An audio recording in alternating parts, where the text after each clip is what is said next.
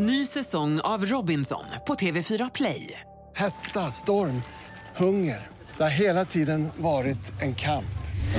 Nu är det blod och tårar. Fan händer just nu. Det. är Detta är inte okej. Robinson 2024, nu fucking kör vi! Streama söndag på TV4 Play. Du hör en vackert sjungande röst som tycks komma inifrån skogen. Du går närmre skogsbrynet, för du kan inte göra annat. Du är alldeles förtrollad av sången. Det är det vackraste du har hört. Du kliver in mellan träden och slås av att sången nu är det enda som hörs. I övrigt är skogen tyst. Du går längre in, längre in än du brukar. Men det spelar inte någon roll. Allt som betyder något är sången. Du går vidare och når snart en liten glänta där fullmånens ljus formar en cirkel. När du kliver in i den tystnar plötsligt sången och du inser att du är vilse. Det här är Podplays fruktansvärda monster och jag heter Albin Boman. Idag möter vi de kloka gummorna, kärringarna, haggorna, nuckorna och de förföriskt vackra häxorna.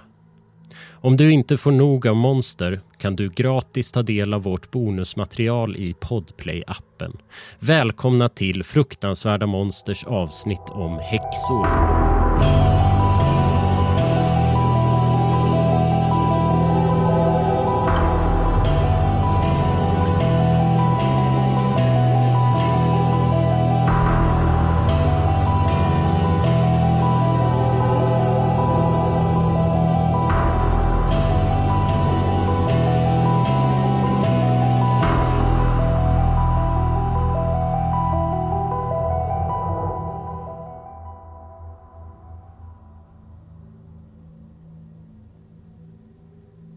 Malin Matsdotter, även känd som Rumpare Malin, kom till Stockholm på jakten efter ett bättre liv under stormaktstiden på 1630-talet.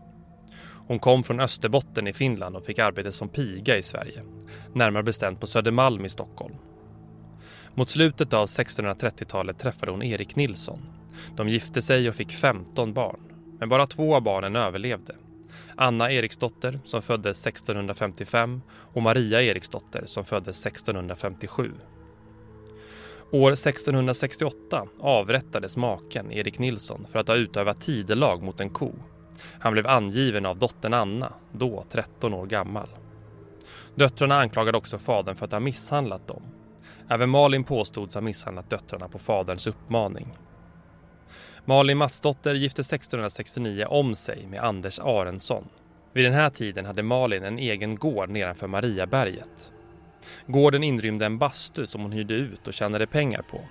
Hon ska också ha anlitats som barnmorska. Bland annat av Anna Sippel som senare skulle avrättas för häxeri.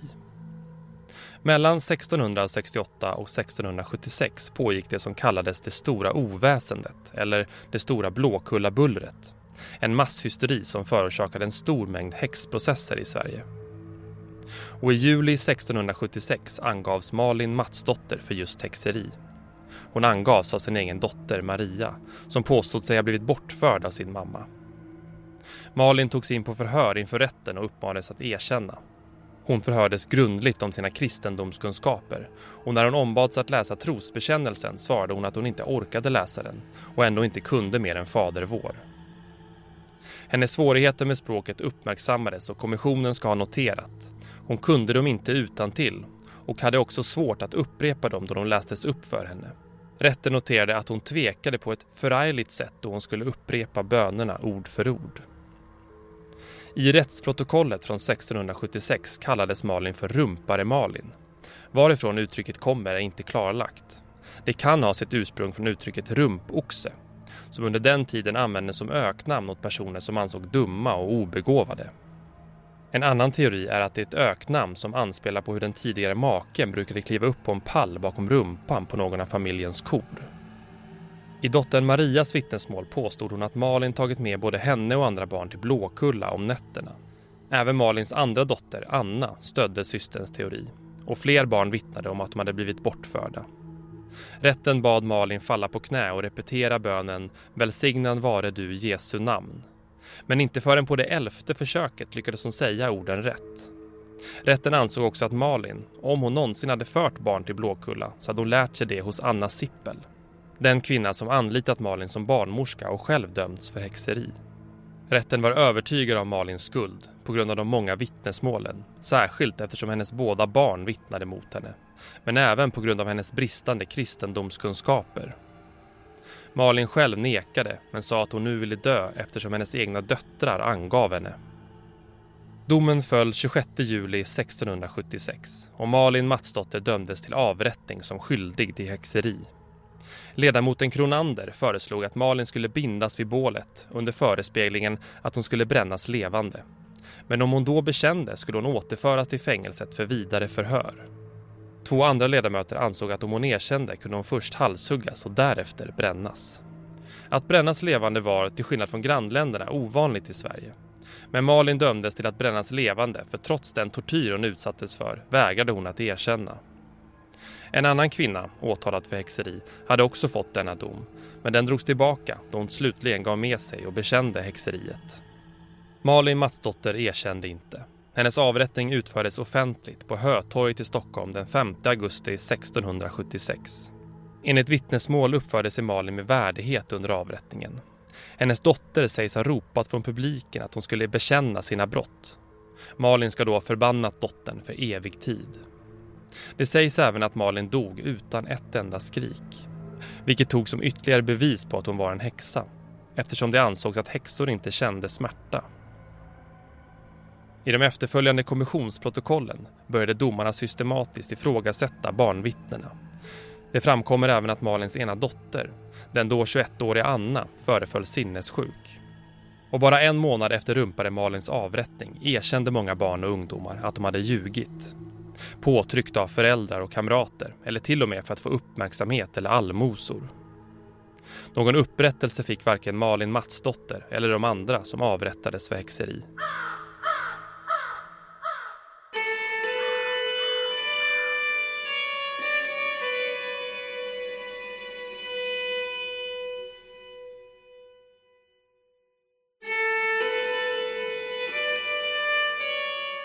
Häxidentiteten för mig består av olika bitar. Men grunden är förstås att jag tror på magi. Det här är Hella Natthorst Bös. Hon är författare och hon kallar sig för häxa. Eh, och vad magi är... Nu vill jag påpeka att allt jag säger det är vad jag tycker och är att det finns ju inte egentligen någon vedertagen sanning eller en bok om vad magi är eller vad häxidentiteten innebär. Utan allt utgår från min erfarenhet och hur jag formulerar häxidentiteten. Och det här med magi, vad det egentligen är, tänker jag, det består till stora delar av psykologi.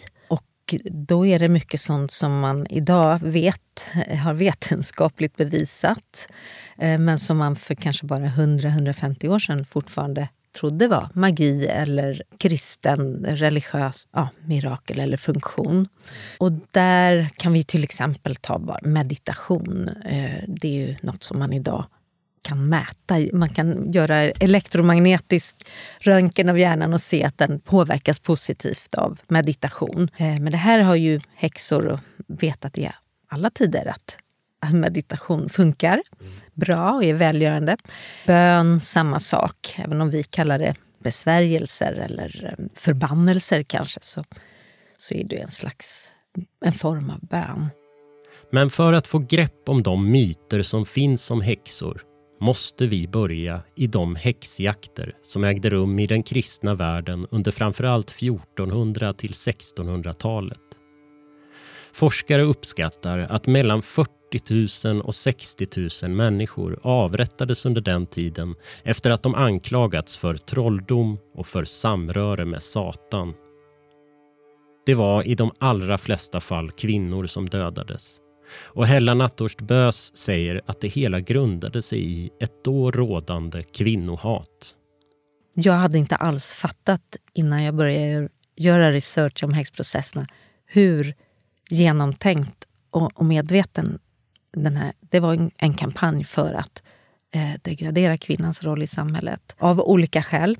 Ekonomiska skäl eh, och det handlade mycket om att få upp befolkningstalen efter att pesten hade tagit koll på nästan hälften av Europas befolkning på 1300-talet. Det fanns för lite folk.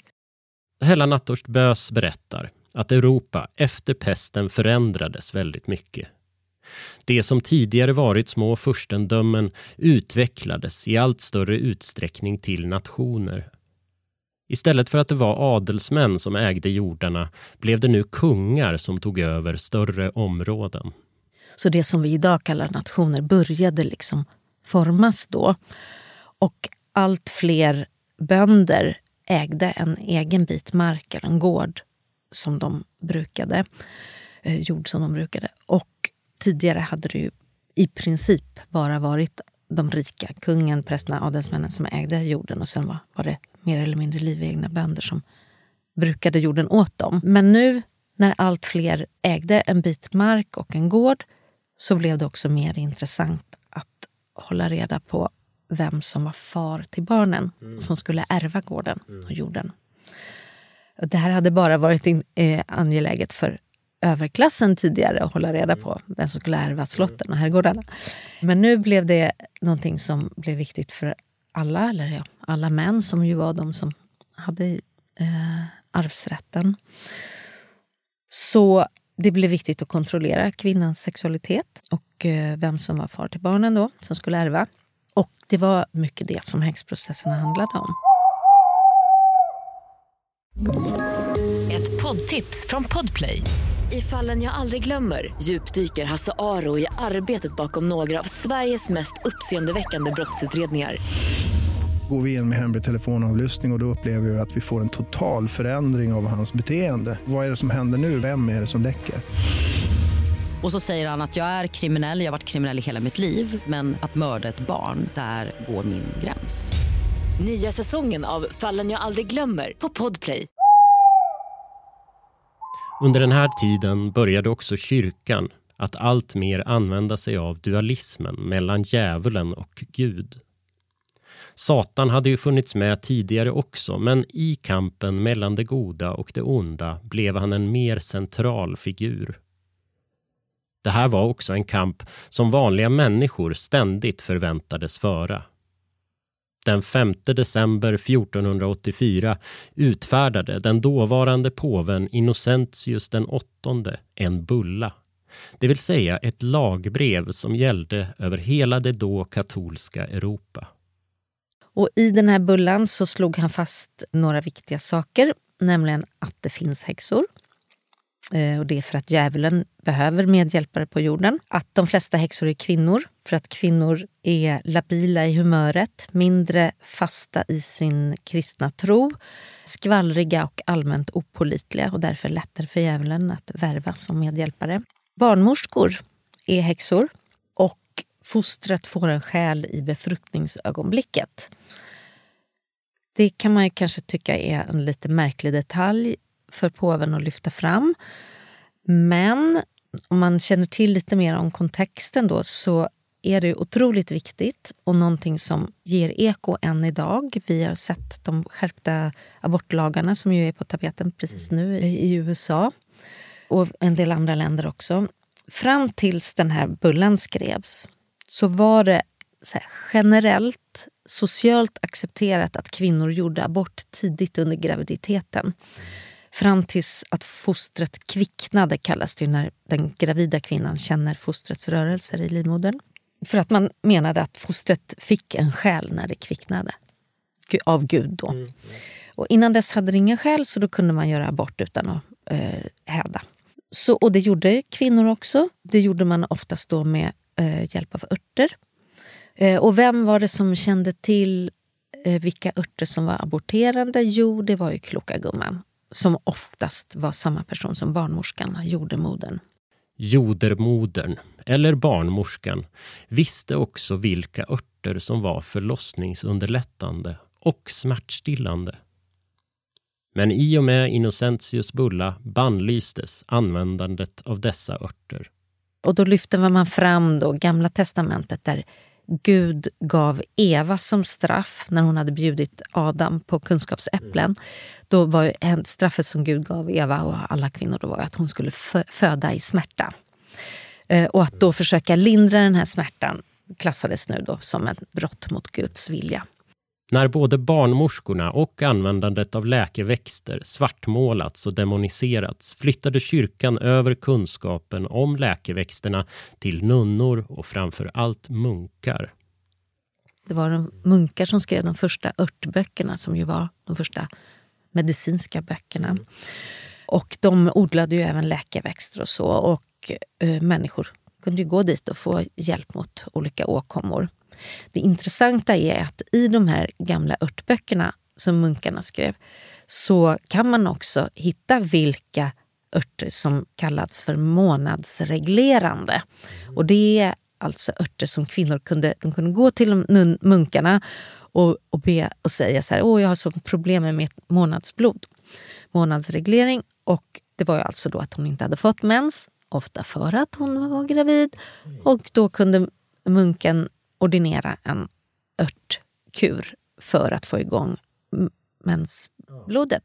Som ju då var en abortkur. Men troligen så fattade inte munkarna det här. Det är ju min egen teori. Därför att de hade ju inte samliv med några kvinnor och kände väl kanske inte till hur barn blev till.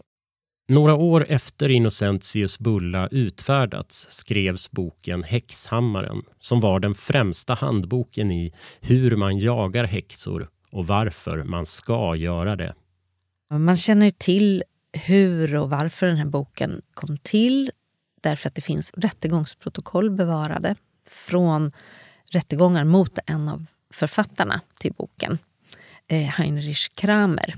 Han var ju inkvisitor, tysk präst som åkte runt i, i dåvarande Tyskland och hade djävulsutdrivargudstjänster. Och han kom till staden Innsbruck och hade sina djävulsutdrivargudstjänster där.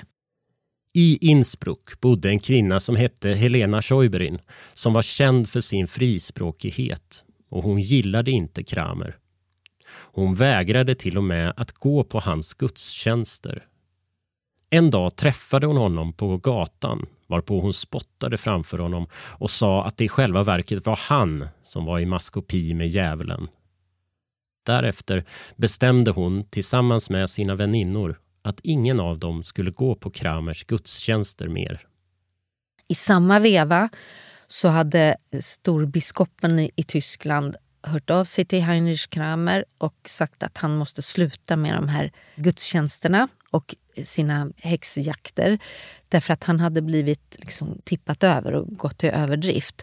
Han var ju också helt fixerad vid sexlivet som han, de här påstådda utpekade häxorna hade. Och även i, i boken Häxhammaren finns det ju ganska utförliga beskrivningar av om man inte kontrollerar kvinnors sexualitet så är den helt ohämmad. Och det är därför de också eh, vill träffa djävulen för att ha sex med honom. och sådär. Så man måste trycka ner det där. Och han höll på att prata om det här för mycket. Så, att, så mycket så att biskopen där tyckte att nej, nu får du sluta och, och, och ta det lugnt. Förödmjukad och arg gick Kramer till Innsbrucks domstol och anklagade Helena Scheuberin för att vara häxa. Det blev rättegång mot henne och som bevis lyfte Kramer fram att hon skulle ha varit sexuellt vidlyftig och otrogen mot sin man. Helena Scheuberin var som tur var eh, gift med en rik köpman så hon, hade råd att anlita en advokat. Mm. Och den här advokaten fick henne friad faktiskt. Och Hans två argument för att fria henne var dels att det inte fanns något bevis för att hon hade varit otrogen. Och även om otrohet var ett svårt brott som kunde bestraffas med döden och om det skulle ha funnits bevis för att hon hade varit otrogen så var det fortfarande inte samma sak som att vara häxa. Inte ens i Bibeln står det att en otrogen kvinna var en häxa.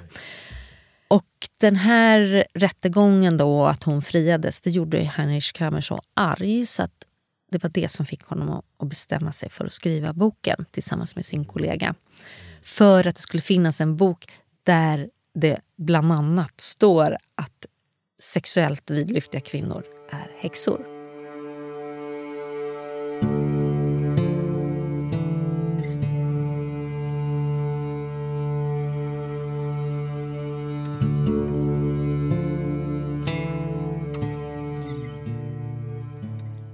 Kvinnor är av naturen Satans redskap.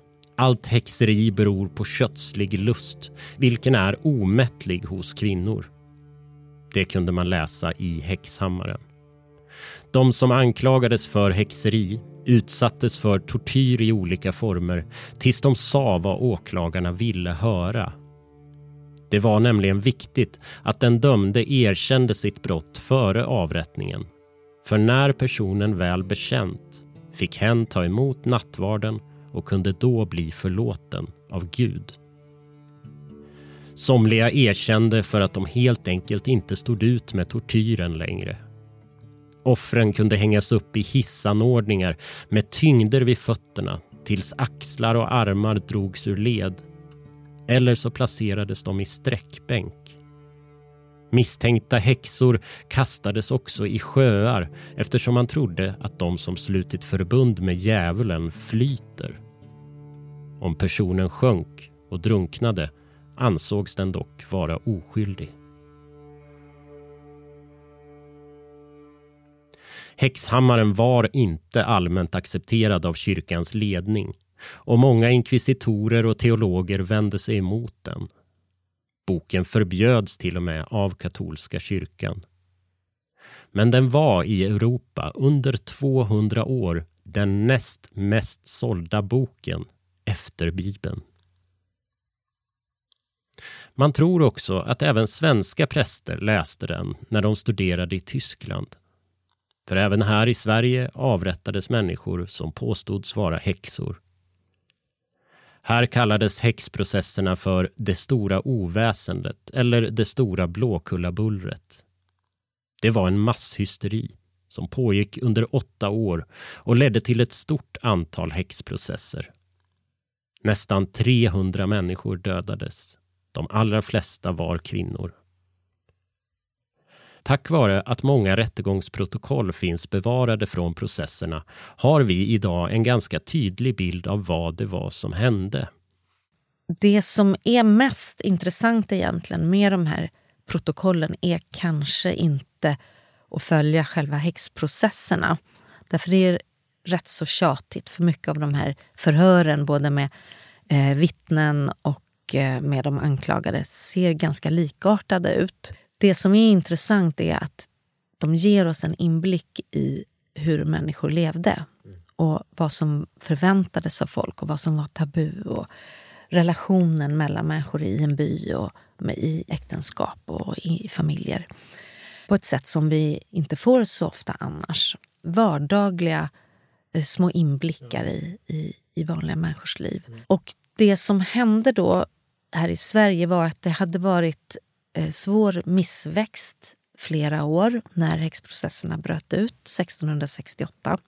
Och eh, vi hade också varit i krig. Sverige var en stormakt på den här tiden men vanligt folk led ju otrolig nöd. Vi, uh, unga män togs ut som soldater.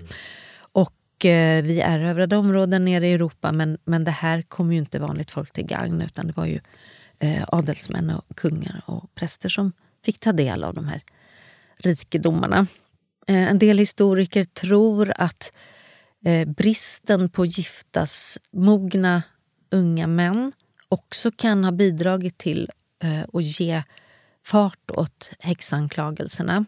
För i vissa byar, speciellt i Dalarna, så fanns det dubbelt så många giftasmogna unga kvinnor mm. som män. Därför att särskilt dalkarlarna var attraktiva som soldater. Kungen tyckte att dal, dalmasarna var särskilt uthålliga och modiga. De har ju alltid haft rykte om att vara lite rebeller och sådär. Och de som inte togs ut som soldater togs kanske ut och jobbade i gruvorna som ju också var en ny industri i, eh, just i, i Dalarna och Bergslagen. Så bristen på unga män att gifta sig med var stor. Och då menar de här historikerna att underlaget eller klimatet för skvaller och förtal bland kvinnor var särskilt stort därför. Mm. För att det var ju otroligt viktigt för en kvinna att gifta sig eftersom kvinnor hade inte samma arvsrätt och samma juridiska rätt alls som män. Kanske stämmer det att kvinnor baktalade varandra oftare i byar med få giftasmogna män. Men det är svårt att veta med säkerhet. Häxprocesserna spreds även till byar där detta problem inte fanns. Men det hade varit missväxt under flera år och en annan förklaring kan också vara att många av vittnena var barn som helt enkelt var rädda för att själva bli anklagade.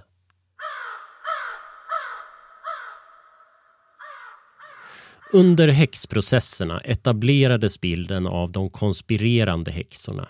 De som dansar i ring för att åkalla djävulen eller som tillsammans står runt en kittel. Den som lyfte fram det och gjorde det till en del av populärkulturen det var Shakespeare. Mm. Hans pjäs Macbeth börjar med tre haggor som häxor som står runt en kittel mm. och eh, lägger olika magiska eh, ingredienser i kitteln. Eh, Eh, det ryker och bubblar och de uttalar en besvärjelse och en spådom.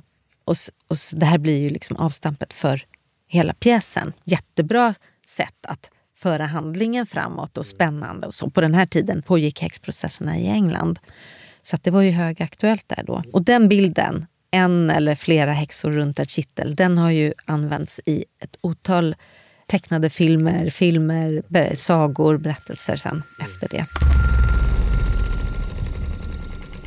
Men vad har hänt med häxorna inom populärkulturen sedan dess? För att få svar på det kontaktar jag filmvetaren och skräcknestorn Jason Meredith som också hållit föredrag om häxor inom skräckfilm. Han säger att i fiktionen fungerar häxan först och främst som en representation av det okända och som en varning att akta dig för häxan, gå inte bort från stigen för då tar häxan dig. Så jag tror att det är därför häxan är så fascinerande, för att hon har liksom en sån djupt rotad kulturell betydelse som, är så här, som ett, ett okänt väsen, ett ondskefullt väsen.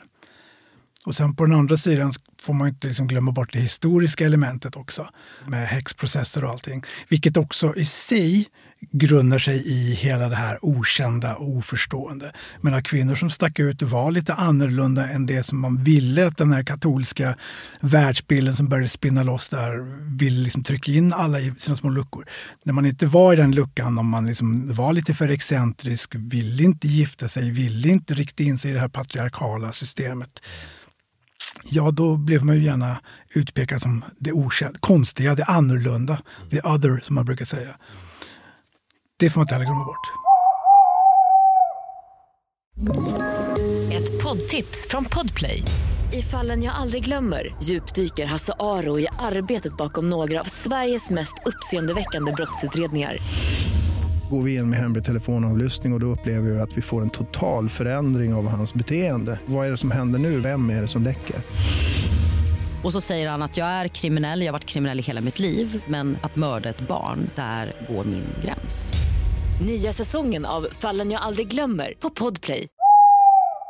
Jason Meredith lyfter fram den dansk-svenska filmen Häxan av Benjamin Christensen från 1922 som en viktig startpunkt för häxor inom filmhistorien.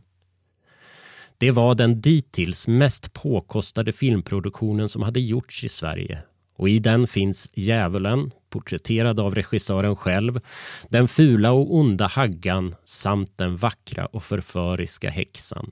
Alla viktiga häxgestalter är representerade. Det är ett brett spektrum som målas upp och filmen anses av många vara långt före sin tid. Både gällande specialeffekter och för att den är så extravagant och storslagen. Det sparades inte på krutet i den produktionen. Om man spänner en båge någonstans vid Benjamin Christiansens Häxan 1922, vilket betyder en 400-årsjubileum i år. och dra den bågen hela vägen fram till Robert Eggers The Witch som kom 2015. Det är en väldigt, väldigt fin båge av viktiga häxfilmer. De, och så finns det massa som faller ner under det här paraplyet. För att häxan är absolut inte först. Det finns en film som heter uh, The, The Chevalier's Dream som kom 1898. Och The Witch är absolut inte den senaste häxfilmen. Det kommer ju massor hela, hela tiden. Men jag tycker ändå att det är bra hållpunkter och ett fint paraply att spänna upp så över det hela. Och i det här paraplyet då så hittar vi självklart eh, Disneys Snövit och de sju dvärgarna med sin eh, fula nucka, den här häxan som bor ute i skogen. Och The Wizard of Oz. För det är ju de vanligaste bilderna man tänker på när man tänker häxa och film. Det är ju antingen häxan från Snövit eller häxan från Trollkarlen från Oz. Mm. Och det är också de, om du bildgooglar Witch, då är det det du först får upp. Googlar Witch och film, då är det de du får upp. Så att de är ju viktiga hållpunkter för det är de som skapar den här liksom, den filmiska ikonografin så att säga. Det är ju det som blir representationen av häxan. Så här ser en filmhäxa ut. Och det är då den popkulturellt accepterade bilden av häxan. Det är så hon ska se ut. Ful, grön, vårtig, hatt, ensam, ute i skogen. Denna bild av en häxa som ett ondskefullt och hotfullt väsen har satt sig djupt inom oss. 1999 kom Daniel Myrick och Eduardo Sanchez lågbudgetproduktion The Blair Witch Project. Det blev en stor succé, men vi fick aldrig se någon häxa i den filmen. Eftersom vår bild av häxor redan var så etablerad behövde vi dock inte se monstret för att bli skrämda. För vi visste redan vad hotet handlade om. De pratar hela tiden om häxan. De intervjuar folk om häxan, de letar efter häxan, de läser häxans gamla dagböcker. De behöver inte visa häxan, för vi vet ju precis vad det är de pratar om. För att vi har ju då fått med oss den här bilden av hur en häxa ska se ut. Det du inte visar kommer ju alltid ditt eget huvud att göra mer läskigt. Så att att de inte visar häxan, det tror jag också är en stor del till att den här filmen lyckas och faktiskt fortfarande funkar idag. Man skulle ju kunna snurra in på att den här filmen, när den kom, var vad är det, 99, då är ju skräckgenren lite mätt hotad för att man har ju haft en massa franchises och uppföljare. Och sen så har du ju haft hela den här vågen med, med Wes Craven och Kevin Williams som gör de här självironiska metafilmerna med, med Scream och alla de här. Så att, att den här filmen kommer och är så bare bones och avskalad och inte ens visar ett monster. Jag tror att det är det som gör att man blir så wow, det här är ju ändå fräscht, det här är ju någonting nytt. Och du blir mer engagerad som publik för att du måste själv börja fylla i luckor. Du måste själv börja, okej okay, hur ser hon ut? Men är det hon där ute nu? Så det tror jag är en stor, en stor vinst och därför behöver de inte visa häxan. Som sagt behöver inte häxan heller vara en gammal nucka. Det kan vara en ung och attraktiv kvinna på 40-50-talet fanns det då två olika varianter av häxor. Att antingen hade du liksom Disney-häxan eller Wizard of Oz-häxan. Eller så hade du den unga häxan som egentligen inte var någonting annat än kärlekstörstande. Hon ville hitta kärleken. Hon ville liksom bli accepterad och en del av samhället. Och oftast då i, i filmer som till exempel I married a witch från 1942 eller Bell Book and Candle från 1958. Det är ju egentligen romantiska komedier så det är ju inte liksom så att det är någonting annat än gulligt bemötande av de här häxorna utan det är ju liksom häxor som ändå är unga, snygga och vill hitta en, en man att gifta sig med. De vill bli en del av samhället. De vill inte vara den fula nuckan i skogen. Men priset är ju att om de gifter sig och blir en del av samhället så måste de ju oftast säga ifrån sig sin, sina trollkonster, sin magi, sin makt. En viktig hållpunkt som Jason Meredith lyfter fram är tv-serien Bewitched som sändes mellan 1964 och 1972. I den fick vi följa den unga kvinnan och häxan Samantha. Och hon gifter sig med en snubbe som är affärsman. Eh, de flyttar ut till suburbia och där ska hon då leva husmorslivet resten av sitt liv på villkoret att hon säger ifrån sig sin magi. Och det gör hon ju förstås inte. Så att det som händer är att det blir ett slags skifte här. Att det är ju fortfarande romantisk komedi, så det är ju inte skräck, men det är ändå en häxa som istället för som de andra som släpper sina trollkonster och sin magi och sin kraft, så behåller hon det. Och de använder hon helt för att gynna sig själv. Så det, om det är liksom ett stök på jobbet och mannen är frustrerad, men då använder hon ju sin magi för att lösa det problemet. Så att egentligen kan man ju då titta på Bewitched som en av de första exemplen där häxan börjar bli, få en feministisk inriktning. Bewitched satte igång en trend som levde vidare genom bland andra Sabrina tonårshäxan, Charmed och nu senast Netflix Sabrina Reboot, The Chilling Adventures of Sabrina. Och i Sverige kom den svenska Engelsfors-trilogin skriven av Sara Bergmark Elfgren och Mats Strandberg. De här historierna har något av en komisk anda men de utvecklas ju till historier om komplexa kvinnor som inte bara är romantiska komedier. Och sen om man vill dra det ännu längre, ja då kommer man ju ner till eh, American Horror Story där du har liksom, eh, American Horror Story Coven och American Story Apocalypse. Där de behöver inte vara komiska längre utan de är bara komplexa kvinnor, häxor som försöker leva i den här patriarkala mansvärlden. Och det, då har man ju nästan kommit väldigt mycket längre från bilden, eller då har man ju kommit väldigt mycket längre från bilden som Snövit och Wizard of Oz presenteras. Så där ser man ändå en utvecklingsbåge liksom i hur, hur häxan blir liksom mer en feministisk symbol har mer en tydlig agenda att så här, vi vill vara med, vi vill vara jämlika och vi vill inte bo i skogen, vi vill liksom bo bland er. Robert Eggers The Witch från 2015 lyfts ofta upp som ännu ett exempel på att häxan idag också kan symbolisera kvinnlig frigörelse. Jag ska väl inte säga att det är ett feministiskt statement den här filmen, men det är ju uppenbart inte allt för långt bort. För menar, det är ju ändå så att Thomasin i den här filmen, den äldsta dottern, hon, hon ska ju sköta allting som äldsta dottern och hon ska ju liksom ta hand om sina föräldrar, gården, små barn. Och, eh, alltså om man bara tittar på det patriarkalt struktur så är det ju så att hon är ju underordnad pappan hela tiden. Och när mamman dör, spoilers kanske, men, men när mamman blir sjuk och, och, går bort där, då kommer ju till och med pappan att göra sexuella närmanden mot henne. Då ska hon ju ersätta mamman även där. Så att jag tycker så sett så finns det ju ändå liksom en möjlighet att läsa den som en feministisk kamp. Och jag tycker väl ändå att det finns ju en befrielse i slutet trots allt hemskt som händer i filmen och trots allt som Thomasin går igenom. Att när hon till slut står där och vänder ryggen till hela den här strukturen som hon har växt upp i och förväntas liksom bara leva vidare i, som att ligga med sin pappa, giftas bort till grannkillen. När hon vänder ryggen till den och står i skogen och häxorna bara låta henne bli en del av dem, det är befriande. Så jag förstår att man vill tolka den som feministisk.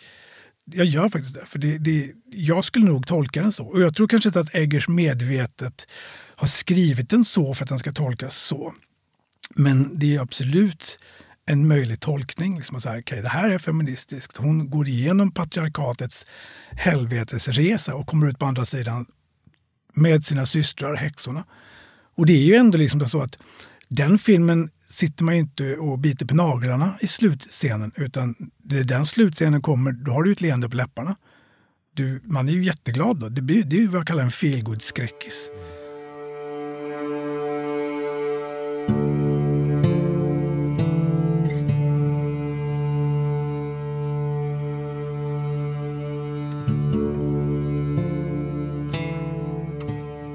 Jason Meredith säger att de genomonda häxorna absolut finns kvar inom populärkulturen. Men idag är bilden av häxor mer differentierad. Samtidigt är det också många, ofta unga kvinnor som numera kallar sig för häxor och på olika sätt utövar magi, säger Hella Natthorst Bös. För henne är gemenskapen med andra häxor och magiutövare en viktig del av häxidentiteten.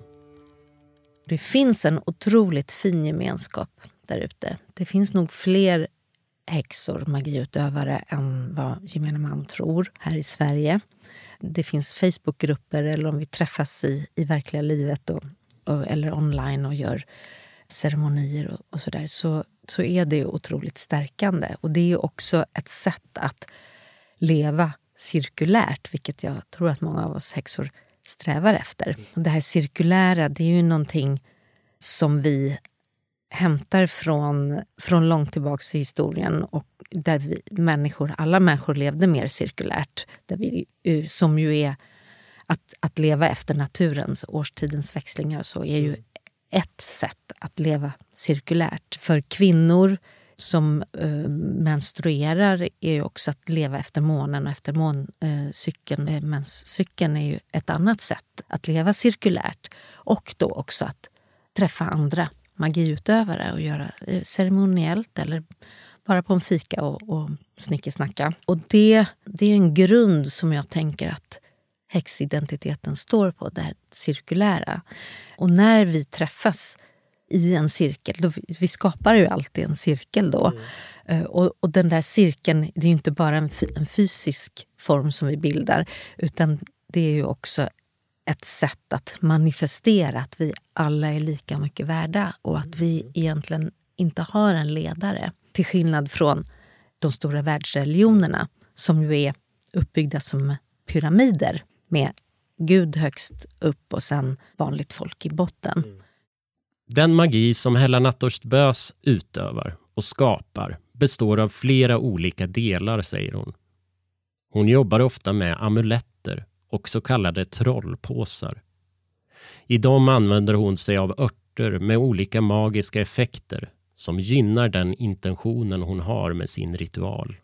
Och sen brukar jag använda mig ibland av symboler jag tycker det är otroligt intressant med symboler. Jag är så djupt inne i symbolträsket just nu. Eh, och, och jobbar med det även med andra. På, håller workshops där vi jobbar med symboler. Och det är väldigt givande. Och så skapar jag en amulett och laddar den med besvärjelser och magisk kraft för den här intentionen som jag har. Hon berättar att hon också har sitt altare som hon förändrar efter årstiderna. Just nu har jag ett litet altare som eh, jag har gjort till min mormor som gick bort här på julafton när hon var hundra år gammal. Som ett litet sorgaltare. Där är ett, ett ljus som brinner så påminns jag om henne och förmödrarna och de som har gått före oss. Och eh, liksom att hålla det aktuellt. Och tanken att jag bara är en, en liten länk i, i, liksom i, i människans, universums historia. Vilken uppgift har jag som den här lilla länken? Och liksom att tänka på det ständigt. Och, mm. och, och, då tänker jag att så här, ja, en av de uppgifter jag har är att hitta, förvalta och föra vidare lite av den här kunskapen som jag har skaffat mig. Mm. Och till, ja, till de som söker den, som behöver den. För den som känner sig intresserad och lockad av att själv syssla med magi finns det hopp. Hella Natthorst Bös säger att det här är något som finns inom oss alla.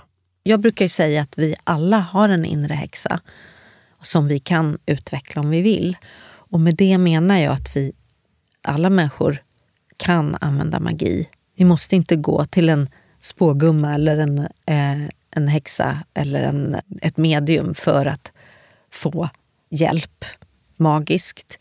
Utan vi kan göra det här själva om, om, om vi lär oss det. Alla kan det. Samtidigt så är det klart att vi också har en, en liten oro alltid att här, den här eh, öppenheten kan tas ifrån oss så att säga och att, att det blir viktigt att jaga rätt på häxor igen. Det är lite som aborträtten. att Det är något som vi alltid måste, ständigt måste bevaka för att det finns alltid krafter som vill ta den ifrån oss.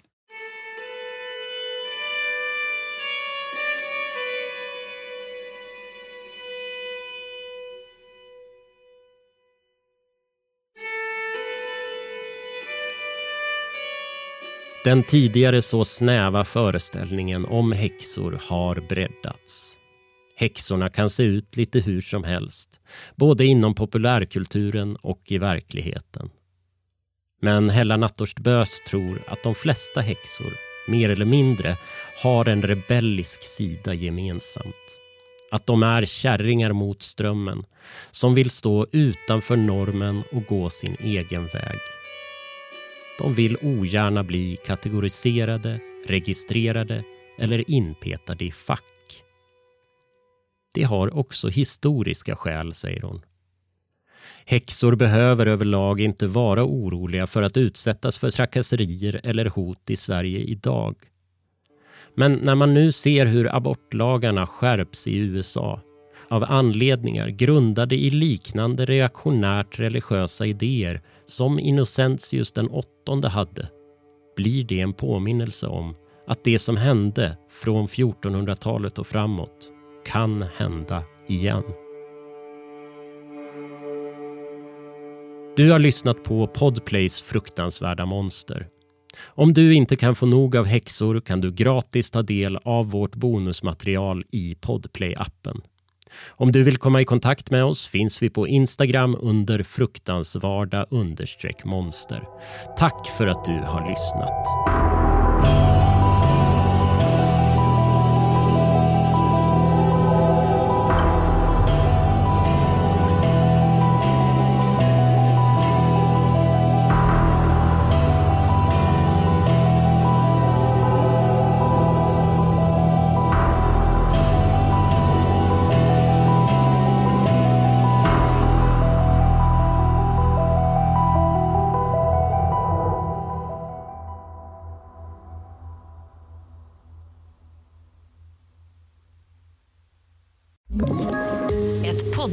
Från Podplay. I fallen jag aldrig glömmer djupdyker Hasse Aro i arbetet bakom några av Sveriges mest uppseendeväckande brottsutredningar. Går vi in med hemlig telefonavlyssning och, och då upplever vi att vi får en total förändring av hans beteende. Vad är det som händer nu? Vem är det som läcker? Och så säger han att jag är kriminell, jag har varit kriminell i hela mitt liv men att mörda ett barn, där går min gräns. Nya säsongen av Fallen jag aldrig glömmer på Podplay.